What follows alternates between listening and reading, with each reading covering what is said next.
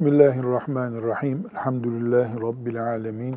Ve sallallahu ve sellem ala seyyidina Muhammedin ve ala alihi ve sahbihi ecma'in. Emri bil ma'ruf ve nehi anil münker hakkında konuşuyoruz. Emri bil maruf ve nehi anil münker Allah'ın emirlerinden bir emirdir. Müslümanlığın yerine getirilmesi gereken emirlerinden biridir. Müslüman toplumu farklı yapan özelliklerinden biridir. Ancak emri bil maruf ve nehyanil münker yaparak kötülüklerin olmadığı, iyiliklerin hakim olduğu bir toplumda yaşayabiliriz anlamında giriş yapmıştık. Bu dersimizde Nevevi'nin Riyazu Salihin'in bu bölüm, bölümüne getirdiği ayetlerden okuyacağız. Ancak tekrar vurgulamakta fayda var.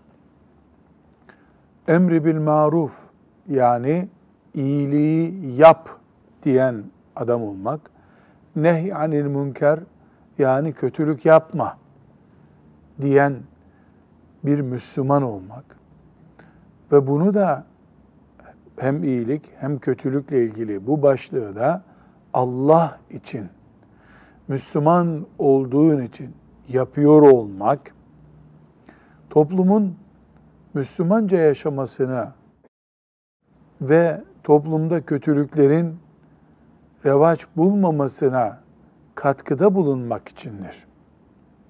Bir kargaşa çıksın diye değildir. Herkesin halk deyimiyle hoca olması anlamına gelmiyordur bu. Herkes insanları düzeltecek ve böylece herkes bir şeyi düzeltmeye çalıştığı için toplumun içinde kargaşa olacak. Bir tür herkes polis yetkisiyle donatılmış olacak anlamına değildir. Bunun ortalamasını sağlayacağımız bir denge vardır hangi şeyin ortalamasını kastediyoruz? Hem Allah'ın iyiliği yayın, kötülüğü engelleyin emri yerine gelecek hem de herkesin polis gibi insanları yönlendirdiği, insanları korkuttuğu bir toplum olmamak. Bunu nasıl sağlayabileceğiz? Birincisi, herkes iyi bildiği şeyin emri bil marufunu ve nehy anil münkerini yapacak. Bana göre diye bir şey yoktur. Bana göre şeklinde bir emri bil maruf ve nehy anil münker yok. Biz şeriatımızın doğru dediği şeyleri yaymak için uğraşıyoruz, uğraşacağız. Şeriatımızın kötü dediği şeyleri engellemek için uğraşacağız, uğraşmalıyız. Bana göre değil. Bu nedenle herkes dinden ne kadar biliyorsa o kadar iyiliği yayacak, o kadar kötülüğe müdahale edecek. Mesela namazın Allah'ın emri olduğunu, namazı kılmamanın büyük bir günah olduğunu bilen bir Müslüman ki bunu her Müslüman bilir. En asgari düzeyde bir bilgi diyelim. Bunu böyle bilen bir Müslüman namaz kıl diye bir çocuğa nasihatte bulunacak. Namaz kılmayana da namaz Allah'ın emridir. Bunu kılmamız lazım. Kılmazsan günaha girersin diyecek. Bilgisi o kadar olan bu kadarla kalacak. İki, örnek veriyoruz. Ta'dili erkan diye bir görev var namazda. Nedir ta'dili erkan? Rükûden kalkınca Semiallahu limen hamide. Orada Rabbena ve lekel hamd diyecek kadar ayakta beklenir. Bu iki üç saniye yaklaşık olarak Allahu Ekber diye secdeye gidilir iki secde arasında da Allahu Ekber deyip secdeden kalkıp oturunca Rabbena ve lekel hamd dediğimiz gibi burada da gufranek ya Rabbi diyecek kadar beklenir. Yine 2-3 saniye, iki secde arasında oturduğumuz yerde bekleme hali. Rükuden kalkınca ayakta bekleme, iki secde arasında 3 saniye kadar bekleme. Bu iki beklemeye ta'dili erkan diyoruz. Namazın oturtularak yapılması. Şimdi bu iki şey arasında yani namaz Allah'ın emridir. Kılmamak büyük günahtır. Bilgisiyle namazın içinde ta'dil erkan bilgisi. Evet aynı dinin, aynı namazın, aynı ilmuhal kitaplarının bilgisidir ama topluma bakıldığında toplumda yüz Müslümandan belki yüzü de Allah'ın emridir namaz, namaz kılmayan büyük günah işliyordur bilir. Ama bu tadil erken konusuna gelince bu rakam 50'leri bile zor bulur. Toplumun yüzde ellisi bile namaz kılanların toplumunun yani yüzde ellisi bile tadil erkanın namazın çok önemli bir bölümü olduğuna dair bilgisi yoktur. Aslında bilmesi lazım ayrı bir mesele. Biz namaz kıl demeyi de emri bil maruf konusu olarak görürüz, görmeliyiz. Teadili erkan üzere namaz kılmayan birisinin tadili erkene davet edilmesini de emri bil maruf konusu olarak görürüz. Ama birincisinde herkesin bilebileceği kadar yaygın bir bilgi var. İhmal eden birine bunu herkes uyarabilir. Namaz kıl Allah'ın emridir diyebilir. Tadil erkanın ayrıntılarına girip namazın rükünlerinden midir, vaciplerinden midir, tadil erken yapmayınca namaz mı bozulur, sevgi secde mi yapmak gerekir şeklindeki ayrıntıyı maalesef her Müslüman bilemiyor. Bu bir ilmuhal bilgisini gerektiriyor. Bir miktar belki hocalık gerektiriyor. O zaman bunu ilmuhal bilgisi şeklinde geniş manada oturmuş bir şekilde bilmeyen birisine kalkıp tadil erken uyarısında bulunmamalı. Herkes hocalığı kadar, bilgisi kadar emri bil maruf ve nehyanil münker yapacak. Kötülerde de böyle. Mesela alenen alkol olan bir içeceği her Müslüman nehyanil münker yapıp bu içilmez, haramdır, cehenneme götürür demeli. Bunun e, söylenmesi için hiçbir serfikaya gerek yoktur.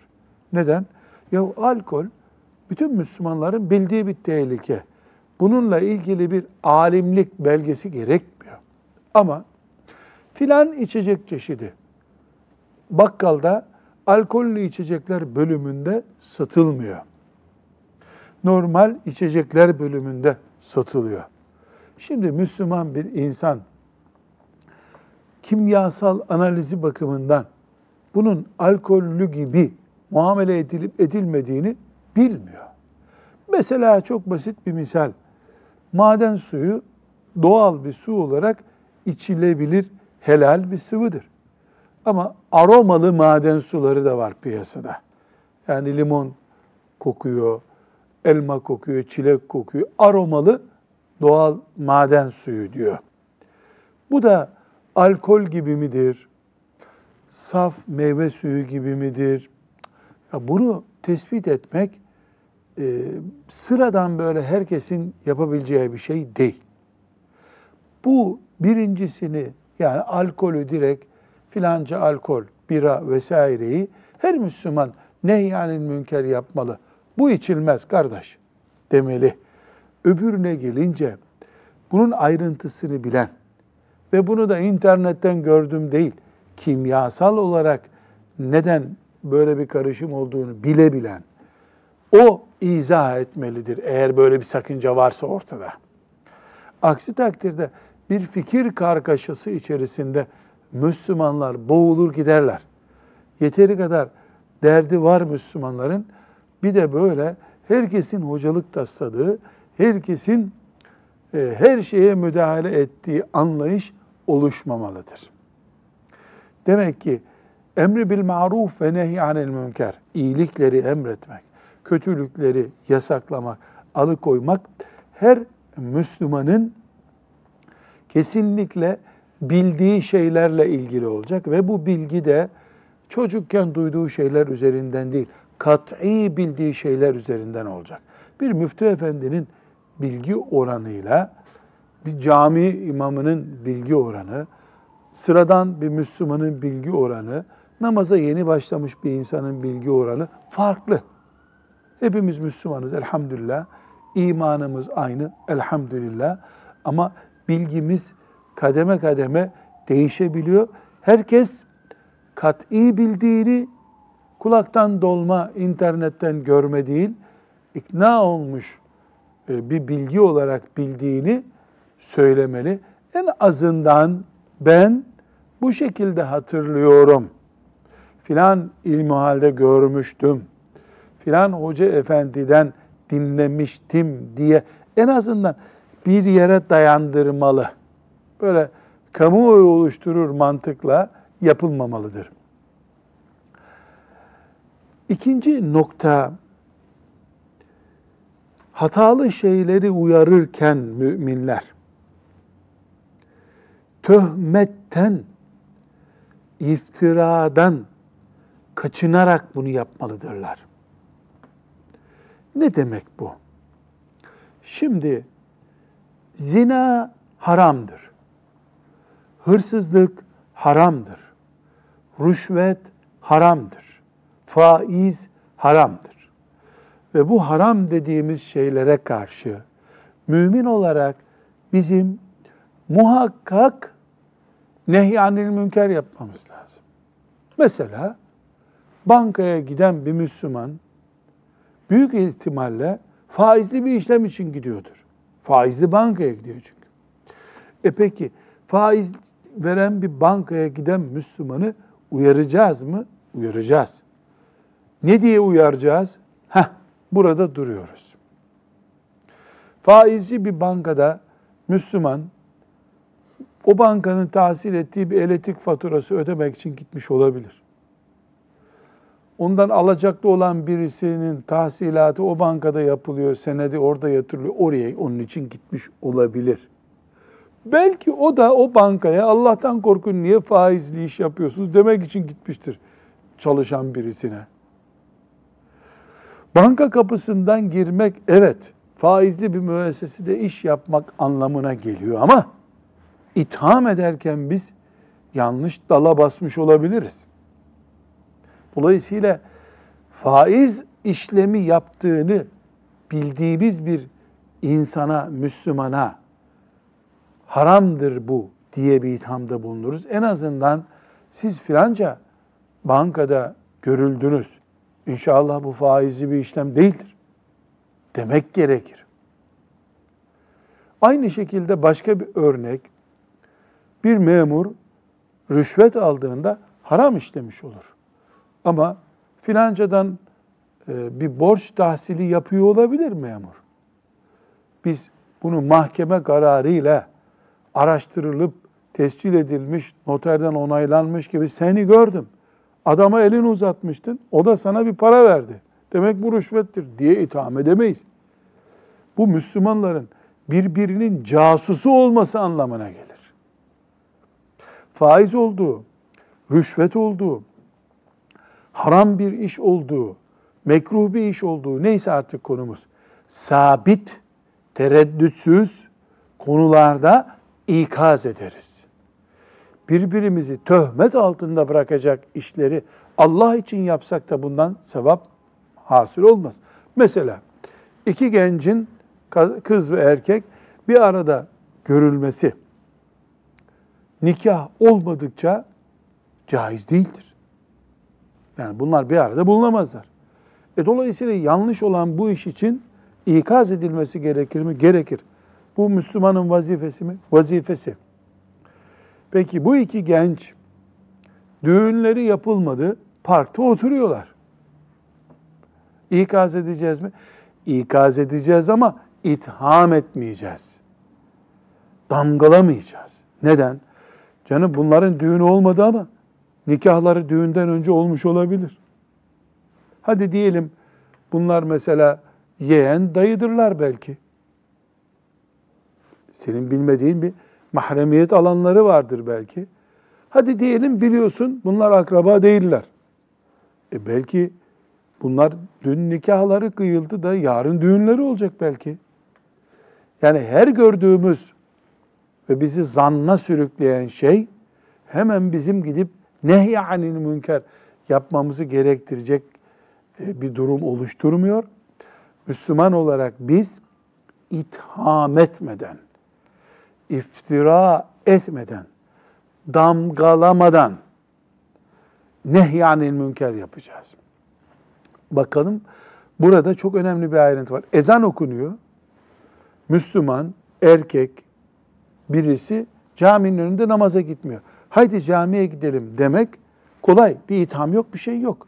Kadın olmadığına göre bu, aybaşıdır, onun için namaza gelmiyor demeyeceğimize göre ezan okundu, camiye gelmiyor, bir kusur var ortada. Bu bir itham değil, buyurun camiye gidelim. Niye siz gelmiyorsunuz denir. Ama e, eline para alırken gördüm ya, belki verdiği borcu alıyordu. Bu illa rüşvetti dememiz çok zor. Bu şekilde damgalamak Müslümanın yapabileceği bir hata değildir. O zaman onun da bizi damgalayacak bir şey çıkar. Şeytanın aradığı da budur zaten. Müslümanlar birbirlerine itimat etmesinler. Müslümanlar sürekli birbirlerinin ayıplarıyla uğraşsınlar. Böylece o istediği gibi cirit atsın İslam toplumunda. Böyle istiyor şeytan. Bunun aynı şekilde imanla ilgili, akide ile ilgili düşünce meselelerinde de olması mümkündür. Mesela e, Müslümanların asla böyle inanmadıklarını bildiğimiz bir mesele var. A meselesi diyelim. Birisi bu konuda e, ciddi bir şekilde propaganda yapıyor İslam toplumunda. Mesela A şahsı İsa Aleyhisselam'la ilgili e, propaganda yapıyor. B Müslüman da onunla bir yere de fotoğraf çektirmiş. B Müslümanına biz şu şüpheli adamla otururken dikkat et fotoğrafın çekilmesin deriz. Bu mümin kardeşliğidir. Ama o misyoner İsa Aleyhisselam propagandası yapıyor. Sen onunla fotoğraf çektirdiğine göre demek ki sen de misyonerlere aletsin, casussun dediğimiz zaman bunun adı iftiradır. Neden? E şimdi misyonerle aynı otobüse binmiş olabilir, durakta bekliyordu olabilir, o ona adres soruyordu olabilir, o ona İsa Aleyhisselam propagandası yaparken bekar insan Allah'tan kork bizim peygamberimiz var diye ona nehyanı münker yapıyordu belki. Ne konuştuğunu bilmiyorsun. Ne ettiğini bilmiyorsun. Sadece birisi sana dedi ki onları bir durakta gördük baş başaydılar. Bu mantıkla itham etmek, nehyanil münker değil, ifşaul fesattır. Fesadı yaymaktır. Müslüman toplumda itimadı sarsmaktır. Karşılığı nedir bunun? Bu konudaki tereddüdü o karşı tarafa iletmek, yani senin o görüntün bir fesat ihtimali oluşturmuştur. Bize izahatta bulun, açıklama yap. Ee, Müslümanlar su izan altında bırakmasınlar seni, töhmet altında bırakmasınlar demektir. Birincisi neydi? Bildiğimizin hocası olacağız, zannettiklerimizin hocası değiliz. İkincisine nehyanil münker yaparken töhmet, iftira yapıp etiket yapıştırmayacağız. Çünkü bizim vazifemiz hatalıları bulup damgalamak değildir. Bizim vazifemiz hataları azaltmaktır. Mümin toplumun içerisindeki yanlışları azaltmaktır. Eğer bu ilkeye dikkat etmezsek azaltmamız gereken kötülükleri damgalamış, bir daha silinmeyecek hale getirmiş oluruz. E buna kaş yaparken göz çıkarmakta diyebiliriz. İyi niyetle bezendirilmiş kötülük de diyebiliriz. Üçüncü olarak da bir kötülüğe karşı nehyanın münker yaparken daha ağır bir kötülük oluşturursak bu yaptığımızda caiz bir hareket olmaz. Yine kaş yaparken göz çıkarmış oluruz. Nasıl mesela? Camide namaz kılıyor Müslümanlar. Namaz ne demek? Huzur demek. Namaz ne demek? Allahu Teala'yı tefekkür etmek, huşu içerisinde olmak demek. Çocuklar camide oyun oynadılar. Elbette bunlara nehyanil münker yapılacak yaşlarına göre, anlayışlarına göre, yaptıkları yaramazlığın çeşidine göre. Geçip de imamın önünde 10 yaşında çocuklar oyun oynuyorsa onlara bir nehyanil münker yapılır. Ya namaz kılıyoruz yavrum. Siz kocaman çocuksunuz. Caminin arkasına geçin bakayım denir. E iki yaşında çocuk annesiyle beraber camiye gelmiştir. O da imamın önüne geçmiş, oturmuş imamın tesbihiyle oynuyor. E bu polis çağıracak bir suç değil. Mesafe var. Yani iki yaşında çocuğa elle işaret yapılır, geri gel yavrum denir. O da zarar vermiyorsa imamın yanında da otursun. Ne olacak yani? İmamın yanında da otursun. Çocuk insanın önünden geçince namaz bozulmuyor ya. Şimdi burada bir düzeltilmesi gereken durum var. Caminin mehabetine sıkıntı geliyor. Bunu iki türlü düzeltebiliriz. Çocuğu oradan alıp çıkarıp çocuğa hoşlanacağı bir kalem bir şey verip sen bununla burada oyna deyip çocuğun Müslümanların imam namaz kıldırırken imamın yanına geçip dikkatini dağıtmasını engellemiş olabiliriz. Aslında onun orada durmasının namaza bir zararı yok. Hadi diyelim e, orayı kirletecek. Belki öyle bir sıkıntı var. Ama çocuğa 2 yaşında, 4 yaşında, 10 yaşında neyse teravih namazında gürültü yaptı diye öyle bir hakaret, öyle bir tehdit yapıyorsun ki düşmanı denize doğru kovalar gibi. Çocuk o seneden sonra 30 senedir bir daha camiye uğramıyor. Ne yaptık biz? Kaş yaparken göz çıkarmak deyimi bile bunu bulmuyor. Ne yaptık? Kafa kopardık. Bir kişinin ebedi namazdan soğuma nedeni olduk. 14 yaşında bir çocuk namaza alıştırıyoruz. Kalk dedik sabah namazına. Kalkmadı. Bir daha kalkmadı. Bir daha getirdik bir kova suyu yatağın ortasına döktük. Çocuk namaza kalktı ama bir daha namaz kılmamak üzere kalktı. Yanlış yaptık. Böyle nehyanil münker yapılmaz. Köyümüzde, şehrimizde birisi alkol içti. Nehyanil münker yapacağız mı? Ne demek yapacağız mı? Ne demek yapacağız mı? 40 defa gidip rica edeceğiz. Yapma böyle bir şey. Gençler seni görmesin. Bari git ormanda ne yapacaksan yap diyeceğiz. Üslubuna yerine göre. Ama biz ne yaptık? Mesela gittik. Hey filan senin baban da cehennem kütüğü gibi bir adamdı zaten. Ondan ne olur? Senin gibi bir evlat olurdu. Zehir iç. Şunu yap, bunu yap. Senin yüzünden gökten şöyle düştü, böyle düştü dedik. Ne yaptık şimdi? Şeytan bize ne yaptırdı? Düzelme ihtimalini sıfıra indirdi. Madem babamız böyle atalardan kalmış deyip devam edecek. Bu köyde ben taş olsaymışım da yürüyen adam olmasaymışım dedirtti. Bu ne demek oluyor? 80 puanlık bir kötülüğü düzeltirken 90 puanlık bir hata işliyorsun. Halbuki sen hoca efendi olarak, yaşlı biri olarak, onun komşusu olarak gelsene buraya biraz deyip onu çağırıp köyde çay ocağında, kahvede veyahut evine çağırıp çay ısmarlayıp ne var ne yok işler nasıldan sonra senden bir şey rica edeceğim diye başlasan Nemrut'un oğlu bile olsa o çay ikramından sonra, tatlı sözden sonra sana ne diyemeyecekti o. Yahu şudur budur diye eften püften mazeretler uyduracaktı. Bir dahakine ona tatlı ısmarlayacaktın. Tatlıdan sonra bu nasihati yapacaktın. Peygamber aleyhissalatü vesselamın Ebu Cehillere yaptığı gibi. Ama en son söylenecek sözü, 10 sene sonra söylenecek sözü ilk 10 dakikada söyleyince adamın hidayetine giden yol tıkandı. Maazallah o adamın senelerce kullandığı içkinin vebali omuzlarında kaldı. Buna dikkat ediyoruz. Bu ne dedik? Üçüncü kuralın. Birincisi neydi? Herkes bildiği kadarının hocalığını yapacak. Uydurmayacak. İki, töhmet, itham, iftira olmadan yapacağız. Mimlemeyeceğiz insanları. Üçüncüsü daha büyük bir hataya sebep olmayacağız.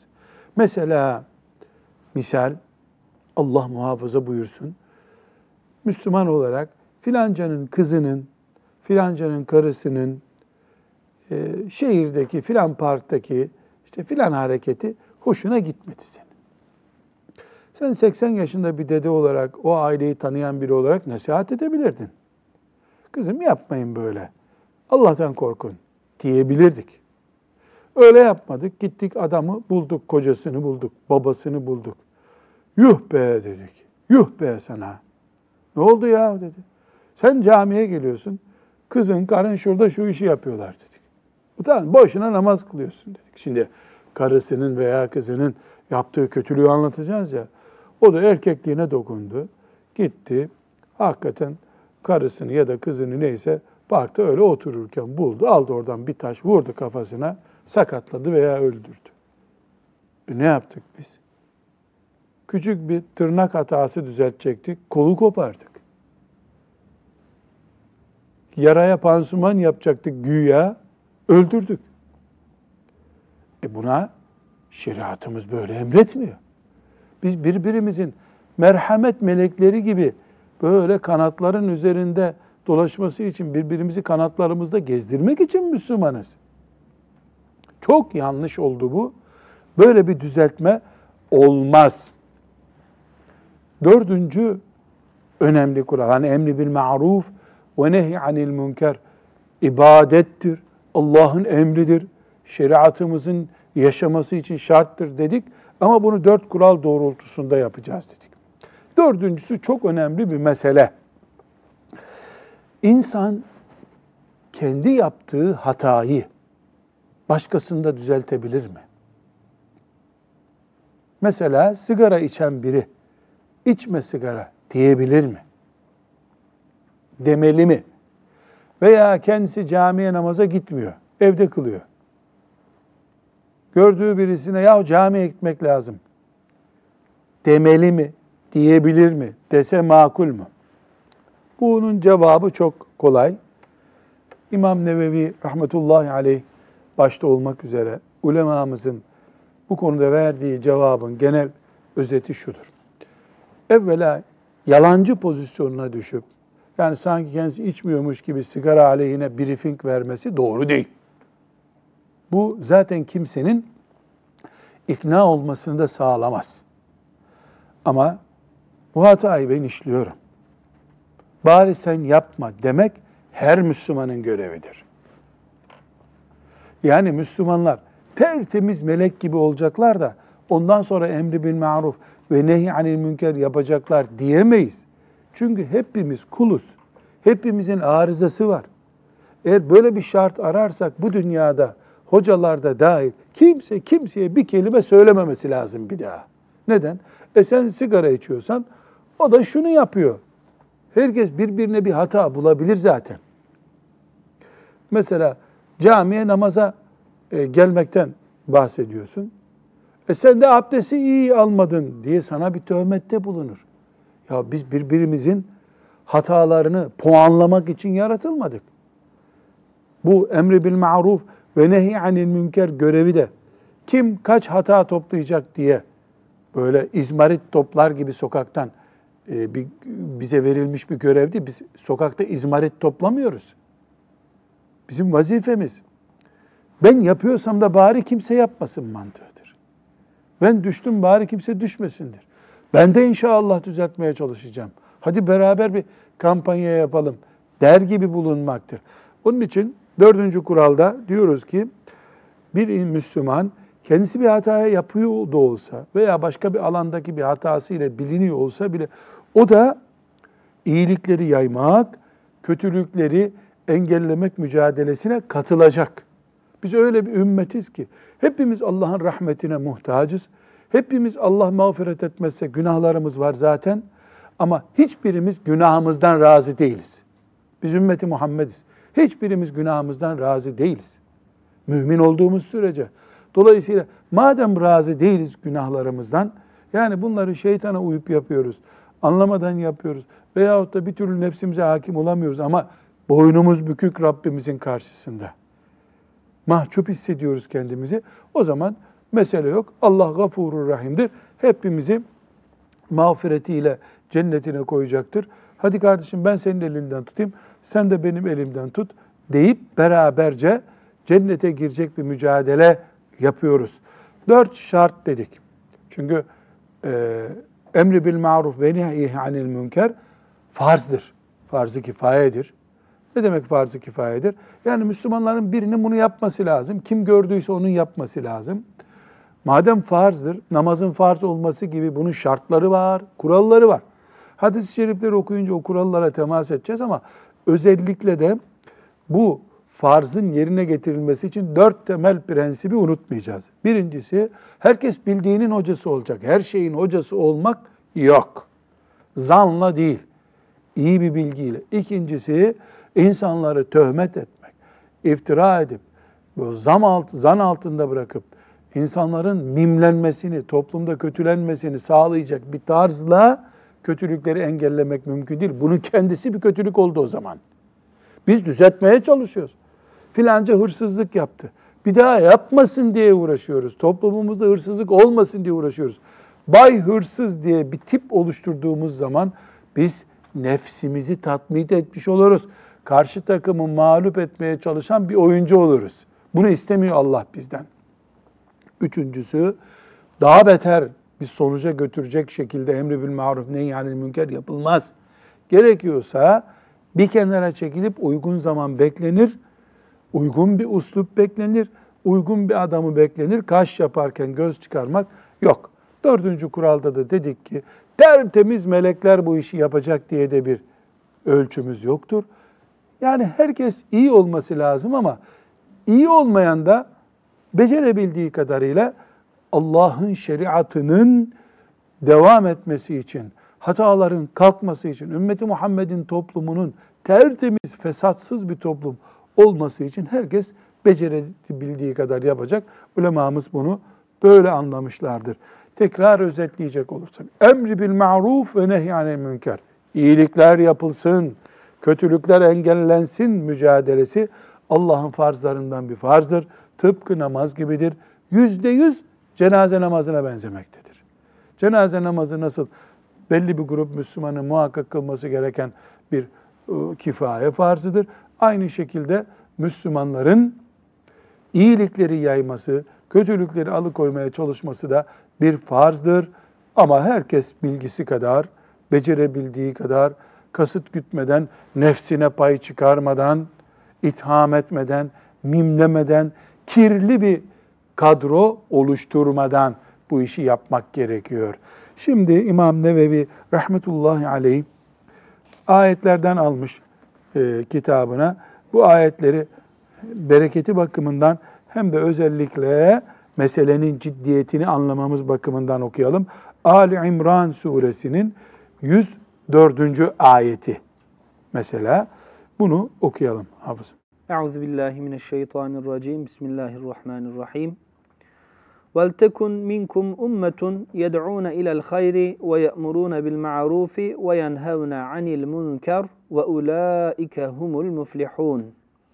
Sadakallahu'l azim. Sadakallahu'l azim. Sizden hayra çağıran, iyiliği emredip kötülüğü men eden bir topluluk bulunsun. İşte onlar felaha ermiş kişilerdir.